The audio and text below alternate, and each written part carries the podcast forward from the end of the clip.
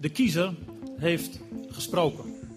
De staat dringt de overmoedigen terug, beschermt de zwakken, verdeelt de risico's en stelt zich in het haastige drang aan allen tot gids. Op de avond van de verkiezingsdag hadden duizenden Amsterdammers zich op straat begeven in afwachting van de uitslagen. Verkiezingen. Achter het roodmaken van het vakje op het stembiljet schuilt een kwetsbaar web van vertrouwen en verantwoording. Van afrekening en afspiegeling. Welkom bij Stemmen, een verkiezingspodcast zonder analyses van het premiersdebat of speculaties over exit polls, maar met een blik op het politieke systeem en de machtsverhoudingen daarachter. Een productie van de correspondent in samenwerking met het politicologische blog Stuk Rood Vlees. Gepresenteerd door Armen Hakverdian, politicoloog verbonden aan de Universiteit van Amsterdam. In Nederland kiezen we geen regering of minister-president. Na de gang naar de stembus breekt meestal een periode van relatieve stilte aan, waarin partijen onderling uitmaken wie er de komende vier jaar gaat regeren. Hoewel de formatie normaal gesproken een nogal geheimzinnig proces is, waarbij wetten soms net zo belangrijk lijken als conventies, boden de afgelopen weken door een ongelukkige fout van verkenner Ollongren een bijzonder inkijkje in dit proces. Ineens kwamen de posities van partijen op straat te liggen. Bij stemmen willen we eens wat dieper ingaan op dat formatieproces. Wie heeft nu eigenlijk het initiatief en de macht in de formatie? Waarom is dit zo? En zou het niet anders kunnen? Armen spreekt eerst met correspondent politiek Mark Chavan. Mark, een aantal maanden geleden toen we die podcast aan het uitdenken waren, toen zeiden we ja, we moeten na de verkiezingen zeker een aflevering over de formatie maken.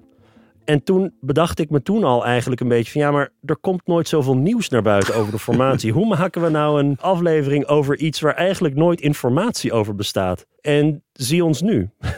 Ja, dat is het leuke natuurlijk. Dan hadden we een aflevering moeten maken over waarom we er nooit iets over horen. En wat opeens naar buiten komt na een aantal maanden ja. geheimzinnig touwtrekken. En zie wat er nu gebeurt. Ja, je ziet eigenlijk de tovenaarsleerling die de Tweede Kamer is. Het is natuurlijk de derde formatie die de Kamer zogenaamd in eigen hand heeft. Wat bij deze derde versie van we doen het zelf natuurlijk ook al naar buiten komt, is dat we doen het zelf, maar niet heus. Dat zie je aan de hand van Rutte, die gewoon in zijn eentje meedeelt: we gaan hier, er is iets fout gegaan, iets met een foto van een, uh, notitie. Nou, mooi pech. We gaan er niks over bekendmaken. En de Kamer denkt opeens: hé, hey, we zitten eigenlijk zelf achter het stuur. niks niet verklaren. We gaan het vragen tot op de bodem. En dat is natuurlijk een soort perfect storm. Dat dat samenvalt met de hele Pieter Omtzigt. Uh, figuur in de CDA-fractie... die de toeslagenaffaire met Renske heeft blootgelegd... en daarmee het hele bestuurssysteem van Den Haag... wat gaat over een overheid die bestuurd wordt als een bedrijf... en de publieke taak veronachtzaamt, enzovoort, enzovoort... waar mensen boos over zijn en waar Kamerleden achter en Omtzigt achteraan rennen van dit kan niet... waar twee Kamercommissies parlementair onderzoek naar hebben gedaan. Het, het, het, komt allemaal samen met die stomme fout van Ollongren. Die maakt van ja, maar dit kan helemaal niet en dit kunnen we niet laten lopen. En daar heeft Rutte gewoon pech dat hij de controle totaal verloren is. En de Kamer een tovenaarsleerling is die niet gewend is om de leiding over de kabinetsformatie te nemen. Waarbij je dan ook nog het gekke hebt dat tussendoor de oude Kamer is afgelost door de nieuwe Kamer.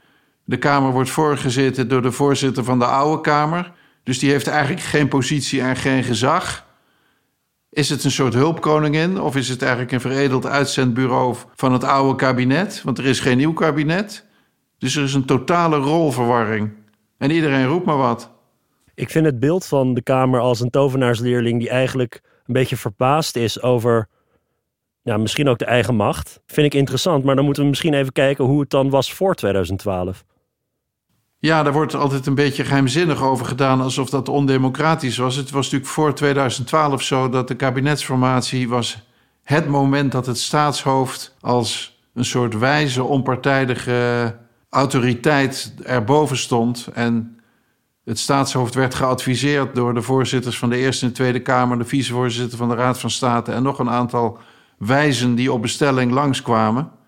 En dan ging het staatshoofd heel methodisch de fractievoorzitters horen en uh, op een goed moment een informateur of twee informateurs aanstellen. En het was een soort geobjectiveerde procedure waar enkelen zeiden dat het staatshoofd de eigen mening doordrukte. Maar alles wat het staatshoofd deed en besliste en de opdrachten die hij of zij gaf, waren terug te voeren op adviezen die op goed moment leesbaar en aantoonbaar waren.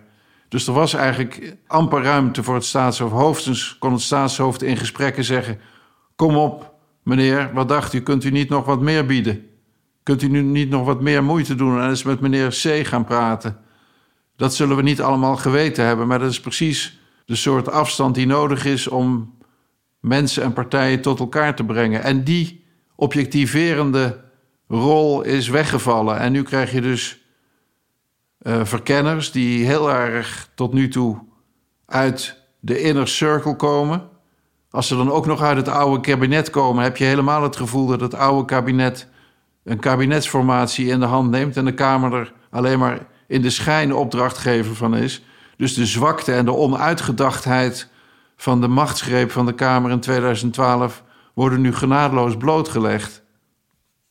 Het is een interessante vraag natuurlijk wie eigenlijk de regie zou moeten hebben. Want er zijn veel stukken die nu verschijnen over dat iemand de regie kwijt is. Rutte is misschien de regie kwijt. Alleen als je nou nadenkt over 2012 en die vernieuwing toen is ingesteld, zou de regie nooit en te nimmer bij het kabinet moeten liggen, laat staan bij de premier. Heeft de Kamer het dan laten afweten? Want de Kamervoorzitter stelt die verkenners aan. Maar zoals je net al zei, dat zijn allemaal senior mensen uit het kabinet of oudgedienden. Hoe kun je dan in godsnaam de regie hebben op het moment dat die verkennende rol wordt gedaan door zulke insiders? Nou ja, wat zich hier wreekt en wat hier genadeloos aan het licht komt, is dat de Kamer natuurlijk in een extreem afhankelijke positie van het bestuur, het kabinet is gekomen. Het monisme, dat is natuurlijk een, een soort grijstint regelmeter. En het is heel erg doorgeslagen naar compleet monisme in de zin van de Tweede Kamer is theoretisch de opdrachtgever en de eigenaar van het kabinet, maar in de praktijk is het andersom. En dus is Rutte met zijn tien jaar ervaring als premier staat in die kabinetsformatie alsof het zijn ding is om zijn vierde kabinet te vormen. Maar dat komt net op een moment dat de Kamer nieuw is en ik zal maar zeggen de omzicht revolutie beleeft van hé, hey, dat kan niet. Wij moeten meer controleren en onafhankelijker zijn. En het ambtenarenapparaat en het ministersapparaat moet naar ons luisteren en wij moeten ze aansturen. Die revolutie komt nu samen met de verkiezingen en het feit dat de Tweede Kamer zelf zijn eigen rol niet goed kent en zeker in die kabinetsformatie niet heeft uitgedacht en geen regels heeft, dat komt allemaal bij elkaar. En dat veroorzaakt een perfect storm waar Mark Rutte behoorlijk snel afbladdert. Er komen notities ook naar buiten over de onderhandelingseisen eigenlijk van verschillende partijen. Zou het niet ontzettend nuttige informatie zijn in de campagne? Dat je als kiezer weet waar je aan toe bent op het moment dat je op partijen stemt? Of denk je, die scheiding die we hebben, eerst is de kiezer aan zet om de samenstelling van het parlement te bepalen. Daarna zijn de partijleiders aan zet om het kabinet te bepalen. Die, die scheiding is wenselijk. Nou, ik denk dat iedereen het ermee eens is. Wat de commissie Remkes, die het parlementaire stelsel heeft onderzocht, ook zegt. Dat de kiezer in de formatie buitenspel zat. Het is natuurlijk een raar iets dat we tijdens de campagnes. Dan wordt de kiezer uh, uitgenodigd om uh, heel gewetensvol zijn stem uit te brengen en na te denken. En dan mag iedereen ontmoeten als er geen corona is. En uh, mag je alles aanraken en bevragen. En vanaf het moment dat de uitslag er is, moet de kiezer zijn mond houden en boven op het schellinkje in de schouwburg gaan zitten wachten tot de voorstelling voorbij is, die met gesloten doek plaatsvindt. En ik denk dat het onvermijdelijk is met de grotere openheid die mensen op allerlei gebieden afdwingen, dat dit anders moet. En dat is dus heel interessant dat je dit ziet gebeuren op het fornuis terwijl er gekookt wordt. Dat mensen willen weten: oké, er is een partijprogramma, die mensen hebben zoveel stemmen en zoveel zetels binnengehaald. En wat gaan ze er nu mee doen? En voor Rutte staat het vast dat je dan nooit tot compromissen komt. Vroeger gold altijd regeren is halveren. Dat heeft D66 een aantal keren aan den lijve ondervonden. En nu heeft uh, D66 onder Rob Jetten eigenlijk vrij duidelijk gemaakt van oh, we zitten in een regering en een regeerakkoord. Maar we hebben ook onze eigen principes en onze eigen voorkeuren. En we doen nu dit en dit in het kabinet omdat het is afgesproken. Maar als het aan ons lag, zouden we dat en dat doen. En, en dat heeft de ChristenUnie in zekere zin ook met succes gedaan. Die hebben ook geen zetels verloren, terwijl ze mee regeerden. Wat mij nu voor ogen staat, is dat je bij die kabinetsformatie dus ook eerlijker omgaat met je principes en met het compromis en de onvermijdelijkheid van het compromis. Dus dat je zegt: wij willen dit, zij willen dat. We zijn hier op dit punt hier uitgekomen en op dat punt daar uitgekomen. En onze mening en onze principes zijn niet weg, maar er moet geregeerd worden. En dus de achterkamer wordt meer een, een kamer waar ramen in zitten. Ja, want sommige mensen zeggen ja, als je bij onderhandelingen bent, zeker op dat niveau, als er zoveel op het spel staat, dan moet je kunnen vertrouwen op eigenlijk geheimhouding. Zodat je open en vrij kunt spreken. Op het moment dat je zulke onderhandelingen openbaar maakt, dan werkt dat niet goed. Maar wat ik van jou hoor is eerder, dit is juist een mogelijkheid om verantwoording af te leggen naar je kiezers. Als ze zien hoe je die gesprekken ingaat, dan kun je dat ook beter uitleggen. Ja, je bouwt als politiek, als democratisch systeem een heleboel goodwill op tijdens die campagnes. Je legt dingen uit, je bent beschikbaar, je bent uh, zichtbaar. En al die goodwill wordt in één klap verspeeld door dat totaal geheimzinnige proces wat in die zwarte doos plaatsvindt. En wat, wat zich nu voor onze ogen afspeelt, is dat Nederland op een ongeplande manier bezig is die formatie te democratiseren. En dat is razend interessant. Ja, absoluut, ja. Als we even kijken naar, de, naar het regeerakkoord, hè, want uiteindelijk werkt een formatie toe naar een regeerakkoord. Wat is precies het doel van zo'n regeerakkoord? Ja, je hebt er verschillende visies over. Uh, ervaren Kamerleden die zeggen: het is een startdocument, het is een nulmeting. Toen we begonnen stonden we allemaal hier op deze punten. Anderen zeggen: het is een document wat vooral voor de kleinere coalitiepartners van belang is, omdat ze daarin voor hun belangrijke punten kunnen binnenhalen en aan hun achterban laten zien. En dat zijn soms punten waar geen natuurlijke Kamermeerderheid voor is, maar wel de afgesproken coalitiemeerderheid.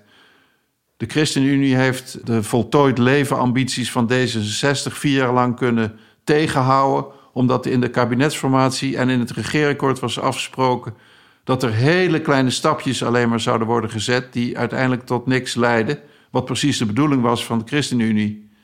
ChristenUnie en CDA en D66 waren niet ontzettend enthousiast over de afschaffing van de dividendbelasting, maar Rutte wilde dat graag. Hij was daar door Shell en Unilever om gevraagd en hij was het daarmee eens. Dat was dus een punt waar de kleinere coalitiepartners een concessie hadden gedaan in ruil voor andere punten. En om die uitruil, dat, wat dan vaak dat gestolde wantrouwen wordt genoemd, vast te leggen, heb je een regeerakkoord nodig. Maar het vervelende is dat die regeerakkoorden die zijn statisch. En heel veel punten van het regeerakkoord zijn na die hoge drukpan van die coalitieonderhandelingen al heel snel onderhevig aan uh, achterhaald worden. En wat dat betreft zijn die coalitieakkoorden op den duur in de loop van die vier jaar, als een kabinet de rit uitzit, zijn vaak meer een blok aan het been. Het zijn vaak 80 pagina's met 10 afspraken per pagina. Het is echt heel gedetailleerd, omdat die partijen op bijna alle punten het met elkaar niet eens zijn. Wordt er een heleboel vastgelegd wat een slim compromis lijkt, maar in de praktijk onwerkbaar is. De stikstofproblemen zaten in het regeerakkoord van 2017 eigenlijk al ingebouwd. We modderen voort zolang het kan van de rechter. Nou, dat kon niet zo lang. Maar wat, er, wat, er, wat dan de principes waren die de oplossing moesten brengen, dat staat er niet in. Dus de aanleiding om een regeerakkoord op hoofdlijnen te treffen, zijn net zo sterk als altijd. Alleen de praktijk is, er is zoveel wantrouwen dat het niet lukt. En dan lijkt dit jaar niet het uitgesproken moment om dat wel te proberen, want dat wantrouwen is groter dan ooit. Nee, het enige wat je zou kunnen zeggen, dit zo zijnde, zullen ze wel weer heel erg moeten gaan onderhandelen en wegstrepen. Wat ze zouden kunnen doen als laatste artikel in het straks weer te lange regeerakkoord vast te leggen. We gaan halverwege, trekken we een week uit om het te, te heronderhandelen. En we, we slopen de onzin eruit die door de feiten achterhaald is. Uiteindelijk, als je zo'n regeerakkoord kijkt, dan is het misschien vanuit democratisch oogpunt wenselijk dat daar eigenlijk alleen maar zaken in staan die uit de verkiezingsprogramma's voortvloeien. Want de verkiezingsprogramma's zijn een beetje de beloftes die de partijen doen. Maar het is niet altijd zo dat alleen maar elementen uit die partijprogramma's in het regeerakkoord komen. Soms staan er andere dingen die totaal niet eigenlijk onderdeel zijn van dat mandaat. Ja, dat voorbeeld van die dividendbelasting was dus een lobbyvoorstel wat overgenomen werd door Rutte en wat in geen enkel partijprogramma stond. De verhuurderheffing in 2012, waardoor de sociale woningbouw tot stilstand is gekomen, was ook zoiets. Dat kwam uit een ambtelijk uh, advies, een bezuinigingsadvies van de brede heroverwegingscommissies. En daar heeft geen enkele partij, in ieder geval niet de Partij van de Arbeid, nog de VVD destijds verkiezingscampagne over gevoerd. Dus dat is een heel, heel onwenselijk soort uh, punt. Je kan alleen zeggen, het is uiteindelijk omgezet in wetgeving. En wetgeving door de gekozen Tweede Kamer en de Eerste Kamer krijgt dan alsnog een bepaalde mate van uh, legitimiteit. Mark, tot slot, wat we zien verdient niet de schoonheidsprijs. Um, maar zijn het misschien niet de groeistuipen richting een meer volwassen, transparante democratie? Of ben ik dan te naïef?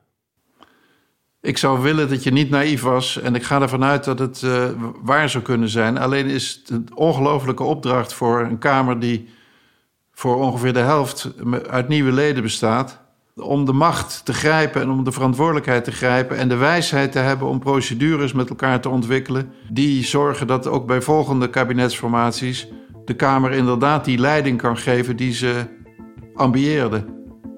En het gebrek aan regels en traditie wreekt zich nu, maar dat hoeft niet zo te blijven.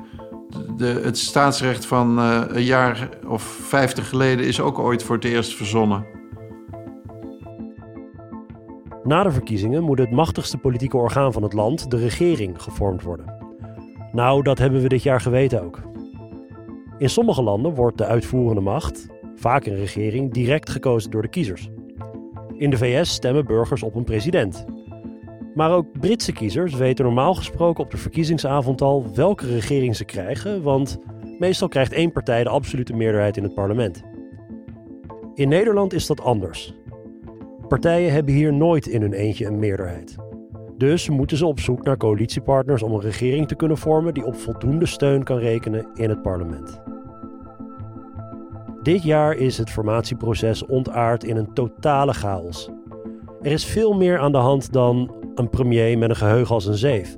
Er woedt een fundamentele strijd om de macht tussen de regering en de volksvertegenwoordiging. En de kiezer dan, om wie het toch zou moeten draaien in een democratie. Die staat aan de zijlijn toe te kijken hoe partijleiders een schimmige dans om de macht uitvoeren. De kiezer heeft weliswaar gesproken, maar mag zich niet direct uitspreken over de regering. Ik spreek verder over de link tussen verkiezingen en coalitievorming met Marieke van der Velde, universitair docent politieke communicatie aan de Vrije Universiteit. Marieke weet waarom partijen juist wel of niet toetreden tot regeringen. En ze heeft kerstverse data over welke coalities de kiezer het meest ziet zitten. Je hoort op de verkiezingsavond hoor je altijd ook um, lijsttrekkers. Die hoor je dan eigenlijk de overwinning opeisen. Of die zeggen, nou ja, wij zijn uh, nu aan zet in de formatie. Bijvoorbeeld omdat we gewonnen hebben. Uh, de kiezer heeft een signaal afgegeven. Of soms hoor je ook partijen die bijvoorbeeld een, een verkiezingsnederlaag hebben geleden. Dat die zeggen, nou nu even pas op de plaats, want de kiezer heeft gesproken. Dus dat soort factoren maken niet uit eigenlijk voor wie er dan uiteindelijk in de regering komt. Nou, mijn collega Tom die zou zeggen... in Nederland hebben altijd alle partijen gewonnen na de verkiezingen. Tom van der Meer. Yes. Ja. Uh, in die zin hoor je dat partijen wel zeggen... maar we zien dat het, de, hoe groot je bent geworden... Eigenlijk, tenzij je de grootste bent geworden... eigenlijk maar marginale invloed heeft... op wie er dan daarna de regering vormt. Dus die indirecte invloed van de kiezer is eigenlijk ook best wel, best wel beperkt. Behalve de grootste partij. De grootste partij heeft meestal het initiatief. Ja, de grootste partij heeft meestal het initiatief. En die kiest natuurlijk wel, want die wil graag, hè, de meeste partijen willen graag een meerderheidsregering. Omdat het dan zekerheid geeft om de onderwerpen waarop ze campagne hebben gevoerd, om die ook te kunnen uitvoeren. En dat kan het makkelijkste met partijen die een vergelijkbaar ideologisch profiel hebben. Dus als die partijen ook groot zijn, dan heb je op die manier heb je wel invloed als kiezer. Dus als je weet bijvoorbeeld, oh, VVD wordt groot en ik stem uh, altijd CDA, dus dat doe ik dan nu ook, want die lijken op elkaar en die werken vaak samen. Op die manier zou je kunnen nadenken over je stem. In Nederland is er een aantal keer ook een uitzondering op die regel geweest. Van de grootste komt in de regering, levert de premier. In de jaren zeventig was dat. Partij van de Arbeid is toen uh, eigenlijk door de christelijke partijen, voorgangers van het CDA ook, en de VVD eigenlijk uh, buitengesloten. Dus het is niet een garantie. Er spelen ook andere dingen een rol dan alleen of je de grootste bent of niet. Ja, de grootste is zeker geen garantie. De grootste geeft een goede kans. Ja. Maar daarnaast is de zetels die je haalt, dat is maar een marginale bijdrage. Het gaat veel meer over met wie kan je samenwerken. En dat dan zowel met wie kan je samenwerken. Op basis van welke onderwerpen uh, vinden we allebei belangrijk. Welke positie hebben we daarop. Als ook hoe hebben we in het verleden samengewerkt. Dus om met dat eerste te beginnen, hè? Dus, dus dat, dat gaat uiteindelijk toch om, om ideologie. Dus de, de standpunten die je hebt. En ik kan me voorstellen dat als jij een extremere partij bent, dat je dan minder kans hebt om in de regering toe te treden, omdat je standpunten simpelweg minder samengaan met andere partijen. Ja, niet alleen minder samengaan, maar wat we ook zien is dat partijen die wat extremere uh, positie innemen, dat die partijen daar ook sterker aan die standpunten vasthouden. Dus het is voor hun heel moeilijk om daar water bij de wijn te doen. En in een coalitie moet je nou eenmaal op sommige onderwerpen wel een klein beetje ingeven of dingen uitruilen om uiteindelijk tot dat akkoord te komen. Ah ja, dus extreme partijen die zetten zichzelf soms een beetje buitenspel. Het is in ieder geval heel moeilijk voor hun om compromissen te sluiten op de onderwerpen waarop ze zo extreem zijn. Want dat is vaak waarop ze hun achterban eigenlijk aanspreken. Je hoort wel eens dat het ondemocratisch is om van tevoren te zeggen: ik wil niet met een partij samenwerken. Um, wat vind je ervan? Nou, ik vind het echt een heel raar idee dat je zegt dat het ondemocratisch is om de kiezer meer informatie te geven over het samenwerken. Het niet willen samenwerken en het juist wel willen samenwerken. Geeft namelijk de kiezer informatie over wat voor onderwerpen en op welke richting de partij die onderwerp juist heel belangrijk vindt. Dus als de VVD zegt: Ik wil juist heel graag samenwerken met CDA, eh, maar absoluut niet met PvdA, dan zie je dat er bepaalde onderwerpen zijn waar ze duidelijk. In ieder geval, de richting wordt dan heel duidelijk. Even terugkerend op die, uh, die coalitiedeelname van partijen. Dus dan heb je ideologie. En hoe extremer een partij, hoe minder kans om toe te treden tot een regering. Maar er zijn misschien ook andere dingen die een rol spelen. Ik kan me voorstellen dat het voor partijen riskant is om een relatie aan te gaan met iemand die bijvoorbeeld ja, net nieuw is. Ja, Nederland heeft ook niet zo'n supergoede of recente historie met nieuwe partijen die dan in de Kamer komen. Ehm, veel mensen herinneren zich dan toch nog de LPF. Dus dat zeg maar, voelt voor partijen dan ook een beetje. Dat voelt als een groter risico, omdat het steeds weer ook herhaald wordt. Ook door de media bijvoorbeeld. En tegelijkertijd zien we dat als je gewoon vaker hebt samengewerkt, dan weet je ook een beetje wat je van die ander kan verwachten. En dat is het belangrijkste in zo'n regering waarin je met verschillende visies ziet, is de samenwerking eigenlijk het belangrijkste. Daarom zie je ook vaak dat partijen die goed kunnen samenwerken, die hebben bijvoorbeeld minder ministers en staatssecretaris van verschillende partijen. Dan durf je het aan om dat van één partij te doen, omdat je niet zoveel hoeft te controleren. Ja, in Nederland moet ik meteen denken aan CDA-VVD, die eigenlijk als een soort van tandem in de naoorlogsgeschiedenis, ook bijvoorbeeld eh, de voorgangers van het CDA, dat voelt veel natuurlijker dan samenwerken met de Partij van de Arbeid. Ja, en het samenwerken. Blijkbaar werken die twee goed samen. En dat, ja, dat kan natuurlijk zijn omdat ze dicht bij elkaar staan. Omdat ze ideologisch over veel dingen hetzelfde denken. Dat helpt in samenwerking als je er hetzelfde in zit.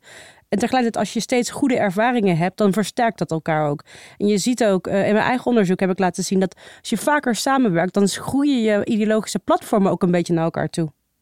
Hoe werkt dat precies? Dus je ziet ook dat partijen die stellen een partijprogramma voor als ze een aantal keer samen in de regering hebben gezeten, dat steeds meer op elkaar lijkt. Dus het wordt ideologisch steeds meer coherent aan elkaar. En dat maakt dat het ook makkelijker is om dan na de verkiezingen meteen weer de draad op te pakken en het coalitieakkoord eigenlijk te verlengen van wat je daarvoor al had. Dus je hebt gekeken naar partijprogramma's voor en na regeringsdeelname en dan zie je dat ze naar elkaar toe gaan. Ja, je ziet dat zeg maar van alle combinaties van partijen kan je dan kijken hè, wat was hun positie eerst en wat is hun positie na de regeringsdeelname. En je ziet hoe langer je samen regeert en zeker als het dan niet onderbroken wordt door conflicten, dan groei je een beetje naar elkaar toe. Het is een beetje als in een uh, huwelijk uh, mensen elkaars hobby's gaan overnemen en zo. Ja, of die, uh, die jassen, zeg maar, die altijd die, die jassen gaan delen. Ja.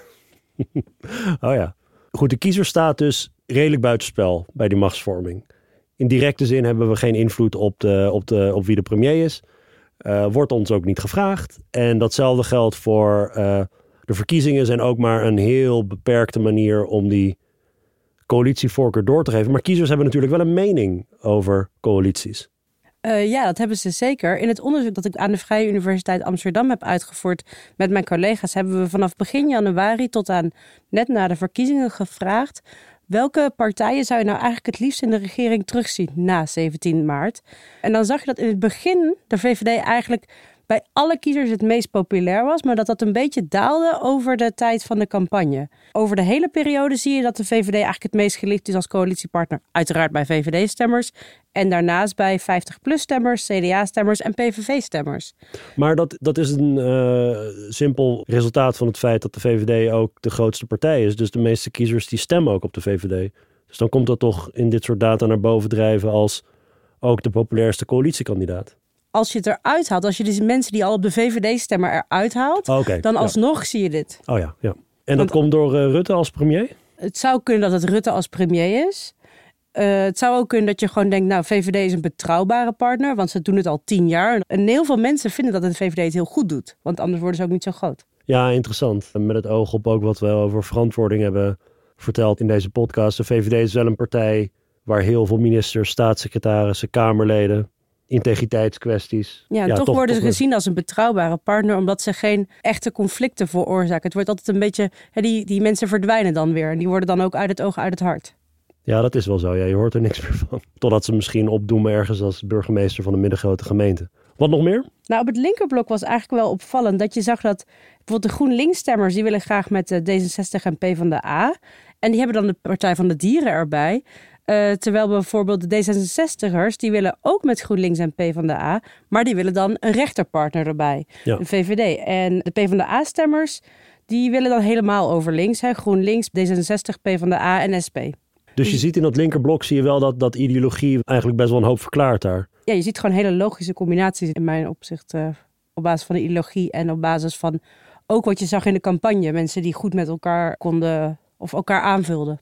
En hoe zit het op de rechterflank bijvoorbeeld als je kijkt naar, nou, ik, denk met name aan kiezers van eh, PVV en Forum die toch hele koude gevoelens hebben ook tegenover allerlei andere rechtse partijen.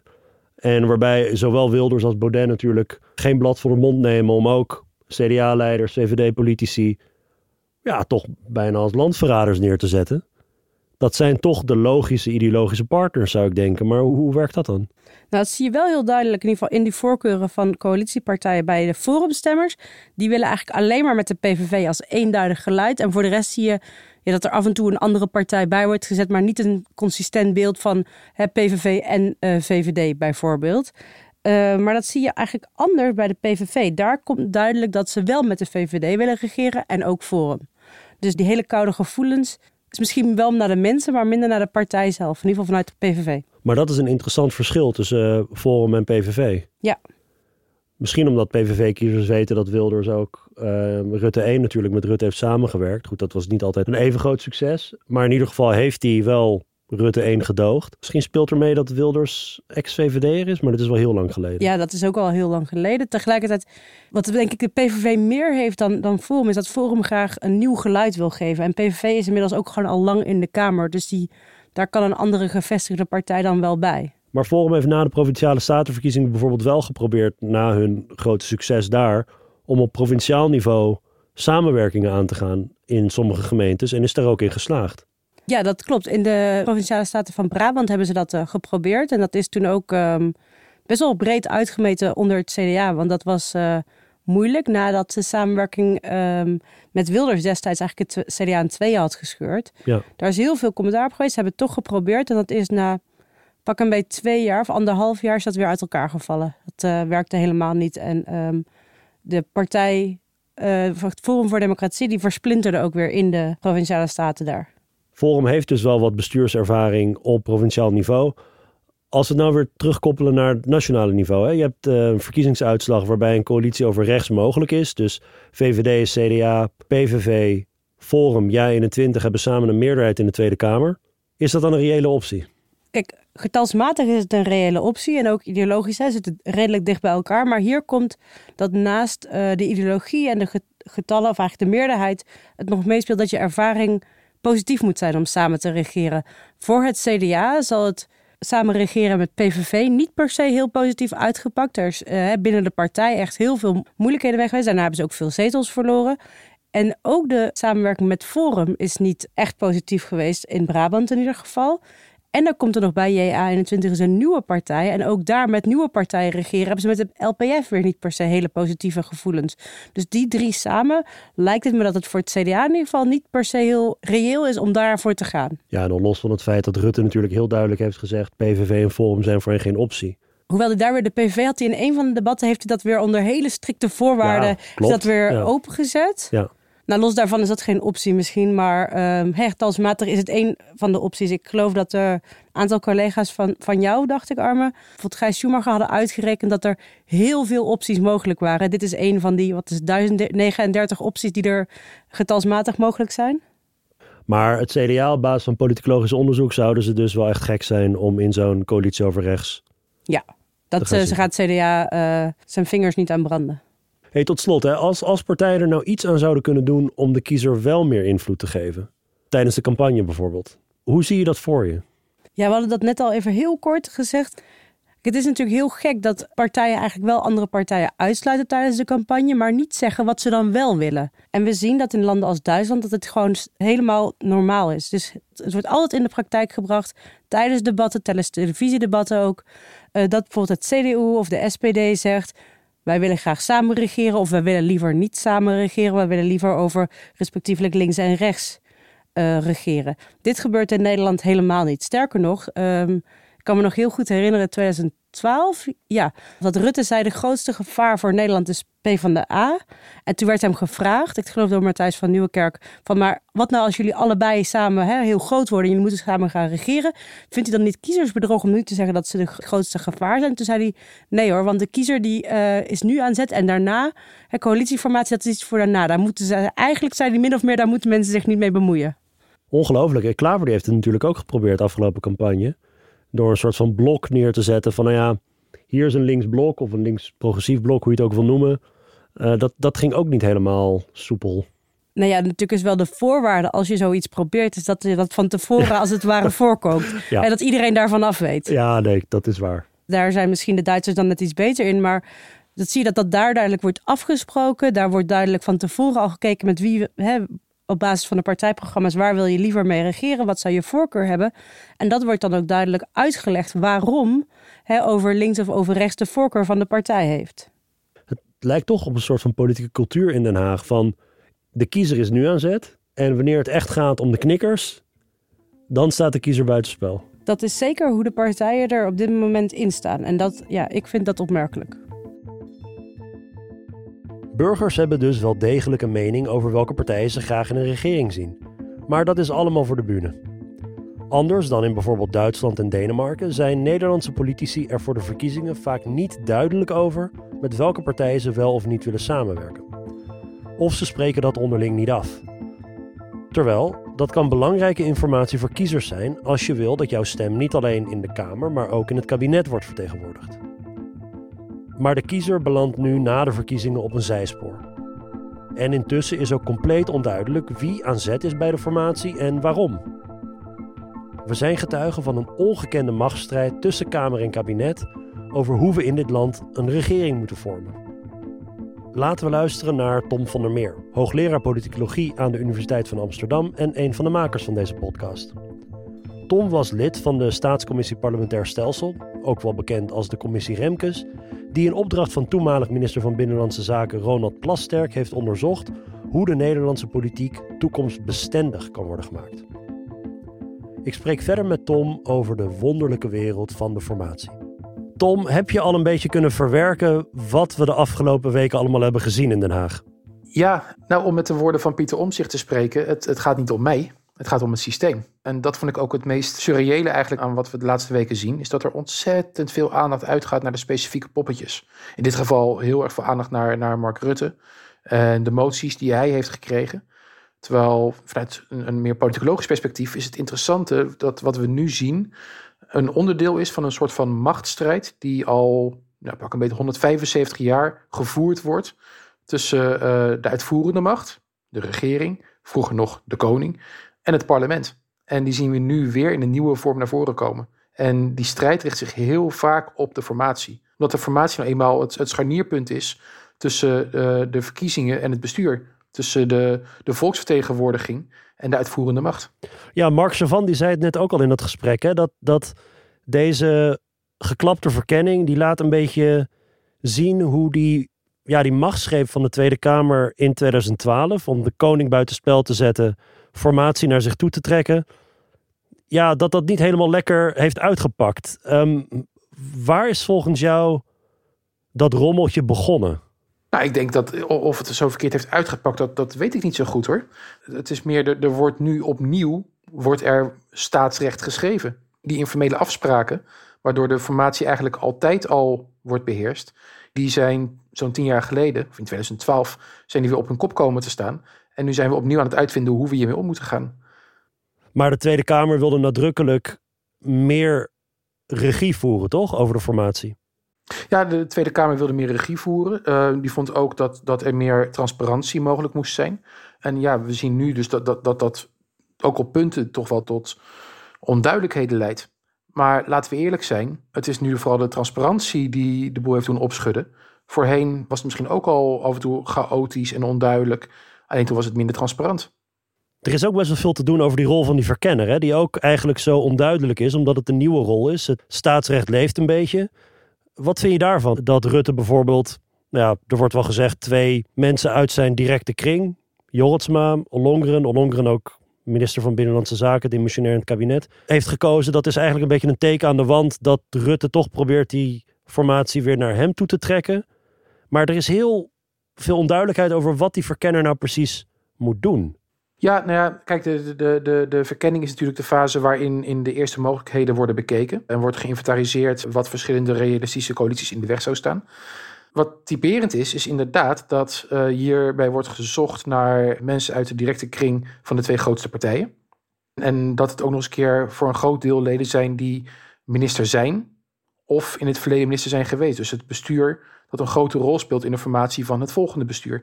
En dat is dus ook wel weer typerend voor, voor die strijd die we nu al lange tijd zien. Echt al sinds, sinds de grondwet van 1848 zo'n beetje. Tussen de uitvoerende macht, de regering, de koning aan de ene kant. En de volksvertegenwoordiging anderzijds. Die hebben een verschillende rol. En in de formatie lopen die rollen allemaal een beetje door elkaar heen. Mark Rutte is niet alleen premier van het vorige kabinet. Maar hij is nu ook de fractievoorzitter van de grootste partij in de Tweede Kamer, dus volksvertegenwoordiger.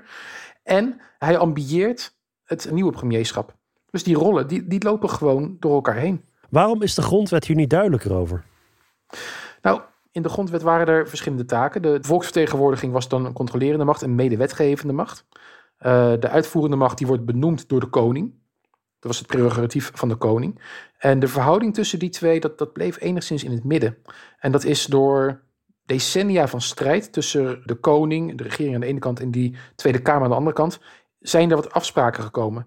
Ons parlementair stelsel berust op, op het idee van de vertrouwensregel. En de vertrouwensregel betekent dat als het kabinet het vertrouwen van de Tweede Kamer verliest, dan stapt het op. En in de praktijk hebben we meer recent daar nog bij gekregen, er worden ook nieuwe verkiezingen uitgeschreven. Zodat er niet alsnog een andere formatie kan, kan plaatsvinden, zonder dat de kiezer zich daarover kan uitlaten. Dat is de vertrouwensregel. En heel veel van wat we zien in de politiek, in de Haagse politiek, is geënt op die vertrouwensregel.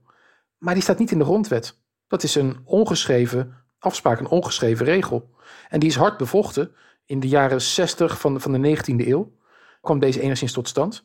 We kunnen zelfs zeggen dat met die invoering van de vertrouwensregel nog niet eens zeker was dat het parlement ook invloed zou hebben op de formatie, op wie de koning zou benoemen als minister.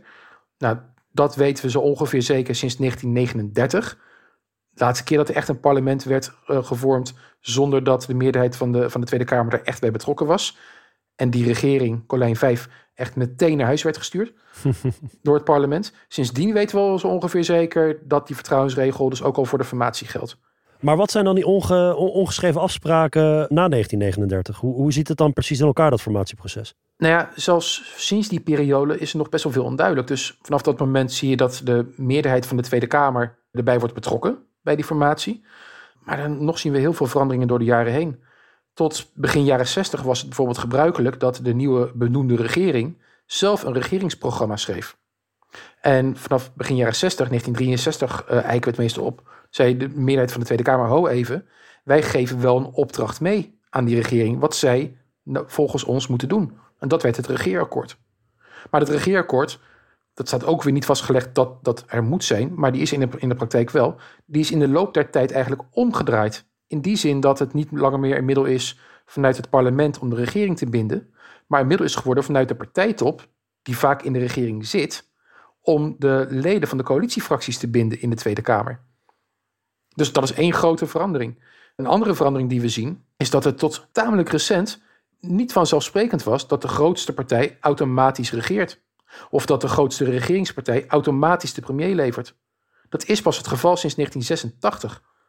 Daarvoor is het bijvoorbeeld een aantal keren gebeurd dat de PvdA de grootste was, maar niet ging regeren. Pas eigenlijk dus vanaf Lubbers 2, kabinet van eh, de CDA met de VVD, in 1986 is dit eigenlijk een, een, een standaard regel geworden. En, en daar zien we dus ook gewoon weer een, een wijziging in. En een andere wijziging die we hebben gezien is dat in 2010 er een coalitie aantreedt zonder meerderheid in de Eerste Kamer. Dat gebeurde in 2012 ook. Uh, we zien ook dat de meerderheden in de Tweede en de Eerste Kamer steeds vaak uit elkaar gaan lopen. In 2012 zien we dat de koning uit het formatieproces is gehaald. Dus er zijn steeds veranderingen in dat hele proces. En ja, volgens mij zien we dat nu ook weer gebeuren. Jij ziet dus in de huidige crisis, zeg jij, een, um, eigenlijk de voortzetting van een machtsstrijd die al eeuwen gaande is. Hè? De, mhm. Het regeerakkoord is altijd onderdeel geweest, in ieder geval in de afgelopen halve eeuw, van die machtsstrijd. Het is interessant om te zien dat dus die rol is omge, omgeklapt. Het regeerakkoord wordt nu ingezet eigenlijk vanuit de regering om de Kamer te binden. En ik vraag me af, als je kijkt naar wat er nu allemaal gaande is, hè, en ook vertrouwen, wantrouwen, dat is, speelt zo'n grote rol. Wat heeft dit voor consequenties voor het soort regeerakkoord dat we gaan krijgen? Rutte moet het vertrouwen herwinnen. Dat zeggen al zijn potentiële partners. Ja, op dit moment is door, door allerlei omstandigheden is dus opeens het hele idee van macht en tegenmacht is heel erg dominant geworden. Nou gaf de, de Staatscommissie Parlementair Stelsel dat al in zijn eindrapport van 2018 mee als belangrijke boodschap waaruit heel veel uh, wijzigingen zouden kunnen voortkomen. Dit werd ook al door anderen, zoals bijvoorbeeld Herman Cenk Willink, ook al decennia gesteld. Dat er meer ruimte moet zijn voor macht en tegenmacht. En hoe doe je dat? Ja, door een bestuur te hebben dat niet te dominant is. Dat niet die tegenmachten één voor één opzij kan schuiven. En een regeerakkoord is nou juist zo'n middel waarmee tegenmachten, bijvoorbeeld een meerderheid in de Tweede Kamer, eerder tot zwijgen kan worden gebracht. Want met een regeerakkoord hebben Tweede Kamerleden zich dan al gebonden aan het programma van de regering. En wordt het dus ook moeilijk om die regering op die punten te controleren. Dus een van de elementen ligt al voor de hand, namelijk een regeerakkoord dat alleen nog maar op hoofdlijn is en niet tot in, in verre details probeert al afspraken te maken in een paar maanden tijd. Maar zo zijn er meer. Uh, uh, je kan ook denken aan uh, minderheidscoalities, waardoor er wisselende meerderheden kunnen worden gezocht in een parlement. Geeft ook meer ruimte aan die Tweede Kamer en wellicht aan de Eerste Kamer ten overstaande van de regering. Of denk aan de versterking van het commissiestelsel. Dat de commissies, parlementaire commissies betere ondersteuning krijgen voor die controlerende taak. Er zijn heel veel manieren om die, om die tegenmachten te versterken. En ja, juist deze formatie als dat scharnierpunt speelt hier denk ik nu een grote rol in. Ja, een regeerakkoord op hoofdlijnen is iets wat je ook de afgelopen tijd, uh, denk ik, in, uh, in alle discussies en in het politieke debat veel terugziet. Hè? Niet, niet dichttimmeren. Minderheidsregeringen, je zegt het net al. Maar dit, dit, dit is ook voor een deel niet alleen vanwege macht en tegenmacht, maar ook als een soort van politieke redding voor de partijen die in de coalitie gaan. Kijk, voor een bestuur is het heel prettig als je van tevoren al verzekerd bent dat je al je plannen kan uitrollen. Dus vanuit een regering of vanuit een premier snap ik dat heel goed. Maar vanuit het perspectief van politieke partijen zit er wel een risico in. Want eerst ga je je binden aan een gedetailleerd regeerakkoord. Dus wordt het heel moeilijk om jezelf te profileren. Te zeggen, ja, hier staan we eigenlijk voor. Denk aan, aan, aan de PvdA van, van Samson, die allemaal beleidspunten moest verdedigen. Uh, en ging verdedigen, terwijl de eigenlijke standpunten net iets anders waren. Of denk aan D66 in de eerste paar jaren van Rutte 3, die meermalen in het parlement zei: Ja, eh, wij staan voor onze handtekening. Wat natuurlijk een, de ultieme leegte is.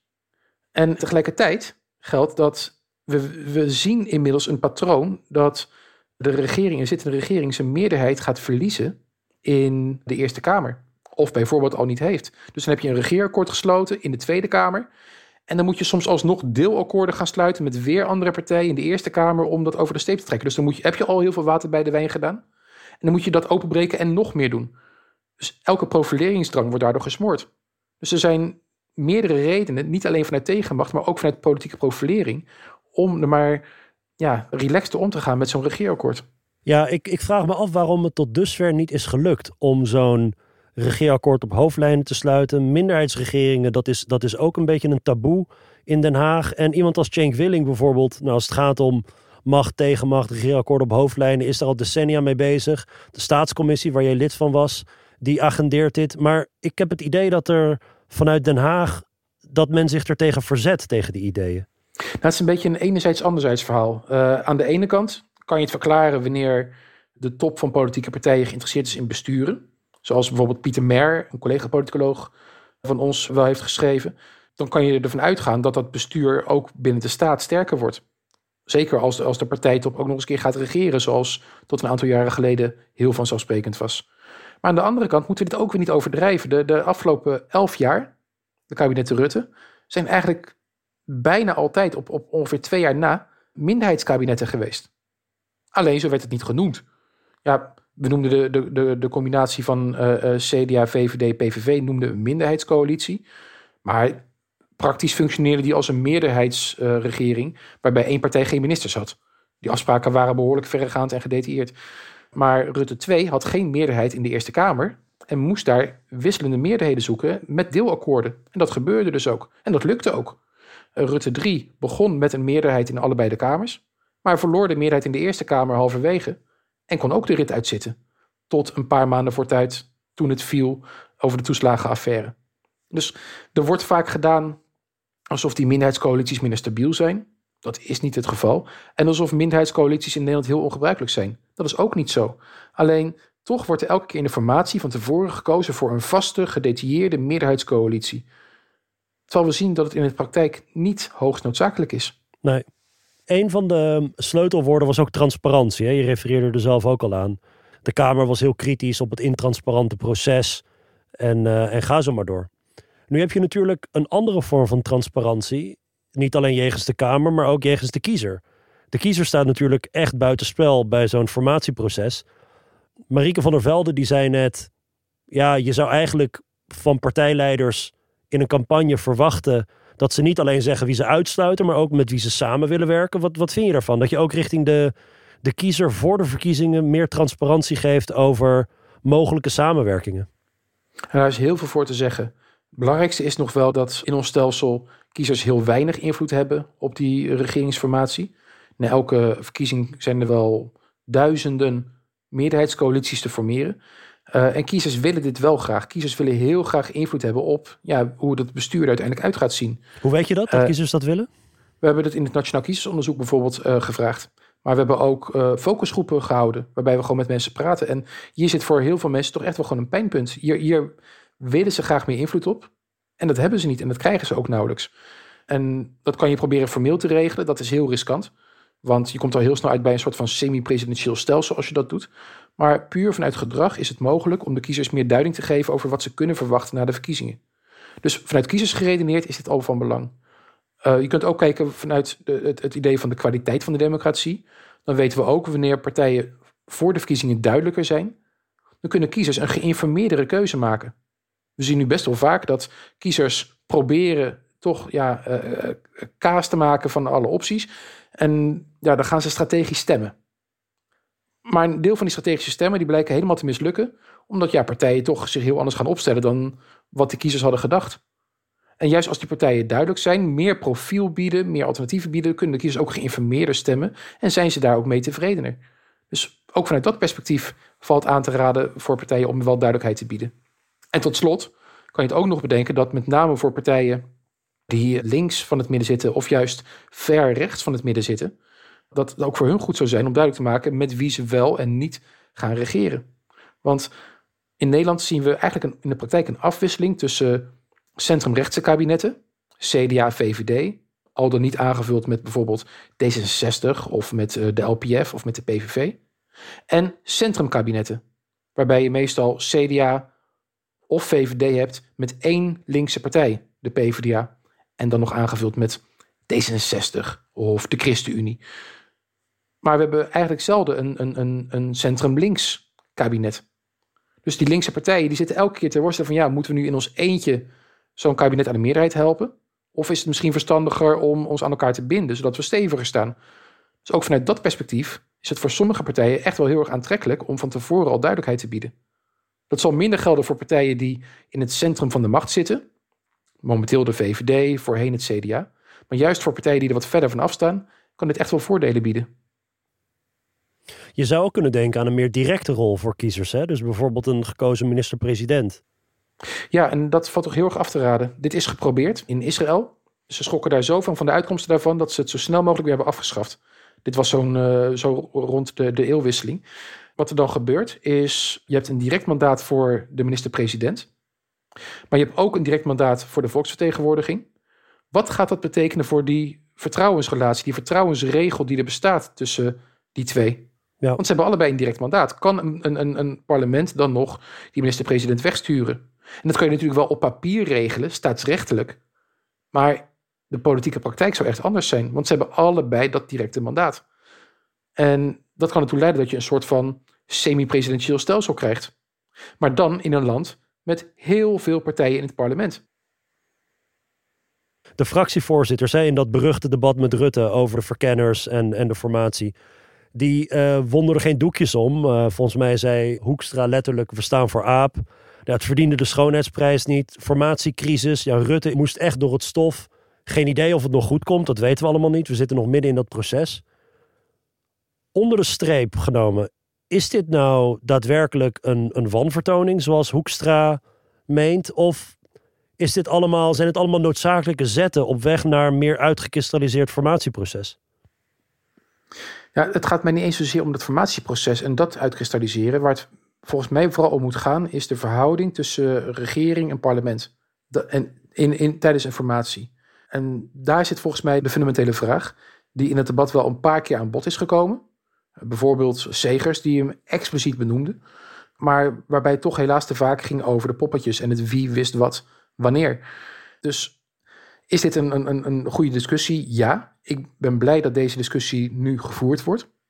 Maar die discussie had het liefst al voor de verkiezingen gevoerd moeten worden.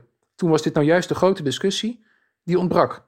In de discussie in een politiek debat dat steeds ging over leiderschap, had dit nou juist op tafel moeten worden gelegd. En dat gebeurde veel te weinig. Dus vanuit de kant van de kiezer geredeneerd, is dit ook wel een, een, een, uh, een rare timing. In hoeverre valt de Tweede Kamer dit te verwijten? In zekere zin valt dit de Kamer ook wel te verwijten. Maar tegelijkertijd is dat ook wel een enorme oversimplificatie, want er speelt een tweede probleem doorheen. We hebben het de hele tijd over de regering tegenover het parlement en dat noemen we dan dualisme. Twee instituties die afzonderlijke taken hebben. Maar het is eigenlijk institutioneel dualisme. Het zijn twee instituties die een verschillende verantwoordelijkheid hebben. Daardoorheen speelt een tweede vorm van dualisme, namelijk het politiek dualisme. Waarbinnen de regeringspartijen, de coalitiepartijen tegenover de oppositie staan. En zelfs nog binnen die regeringspartijen, de politieke top van die regeringspartijen, staan tegenover de rest. En dat speelt je doorheen. Dus juist omdat die politieke top de rest van de meerderheid van de Kamer zich laat binden aan een regeerakkoord, kunnen deze problemen ontstaan. Dat zit hem dus binnen partijen, het zit hem tussen partijen en het zit tussen regering en parlement. En dit is allemaal gedragscultuur. Dit is een gedragscultuur die in Nederland al langere tijd bestond. De politieke toppen van politieke partijen waren al in de verzuiling heel erg belangrijk. Maar dat heeft zich inmiddels vertaald in dat die politieke top ook heel erg de top is in regeringspartijen. En daar zit toch wel gewoon een, een, een probleem, een zwakte in ons stelsel, dat die twee heel moeilijk te ontrafelen zijn.